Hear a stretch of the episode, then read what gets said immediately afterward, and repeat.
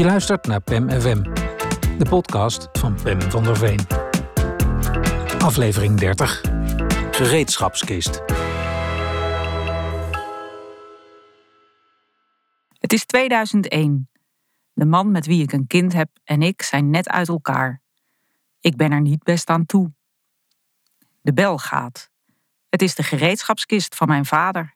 Die komt wel vaker langs als het niet goed met mij gaat. Zoals op deze dag, die bestaat uit echtscheidingsellende, twijfels over de zin van het bestaan, een dichtslibbende keuken, financiële wanhoop en een schreeuwende peuter. Ik heb de hele ochtend handen tussen de rokende puinhopen gestaan, maar nu is de redding nabij. Want naast de gereedschapskist staat mijn vader. Hij stroopt zijn mouwen op als hij de trap opkomt en wil pas koffie als de eerste klus geklaard is. Op het balkon ligt de rotzooi tot aan de dakrand opgetast.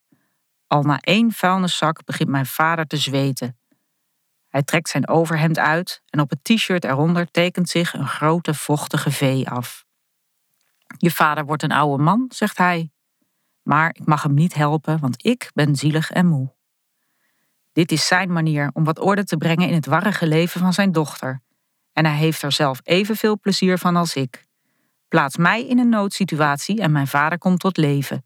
Hij slijpt zijn ijzerzaag, gort zijn schroefboor om, zet de sirene op het dak van zijn auto en komt mij verlossen van verstopte gootstenen en scheef hangende schilderijen. Als ik 60 ben, zal hij nog altijd de eerste zijn die ik bel bij autopech. En het leidt geen twijfel dat hij dan met liefde van Utrecht naar Maastricht zal rijden om mijn band te verwisselen. Waarbij hij uiteraard de juiste maat steeksleutel bij zich zal hebben en een thermosfles koffie voor de terugweg. Mijn vader is een praktisch man. Het is het troostende, emotionele gedeelte dat hem minder goed afgaat. Is mijn verkering uit, dan komt hij een kast demonteren.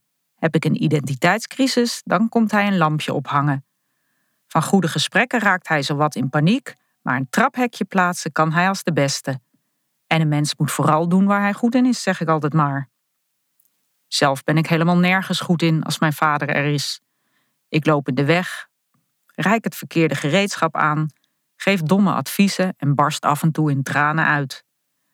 Dan slaat mijn kletsnatte vader een arm om mijn schouders, laat hem daar één seconde vertwijfeld liggen en zegt: Ik ga nu even die plank losschroeven.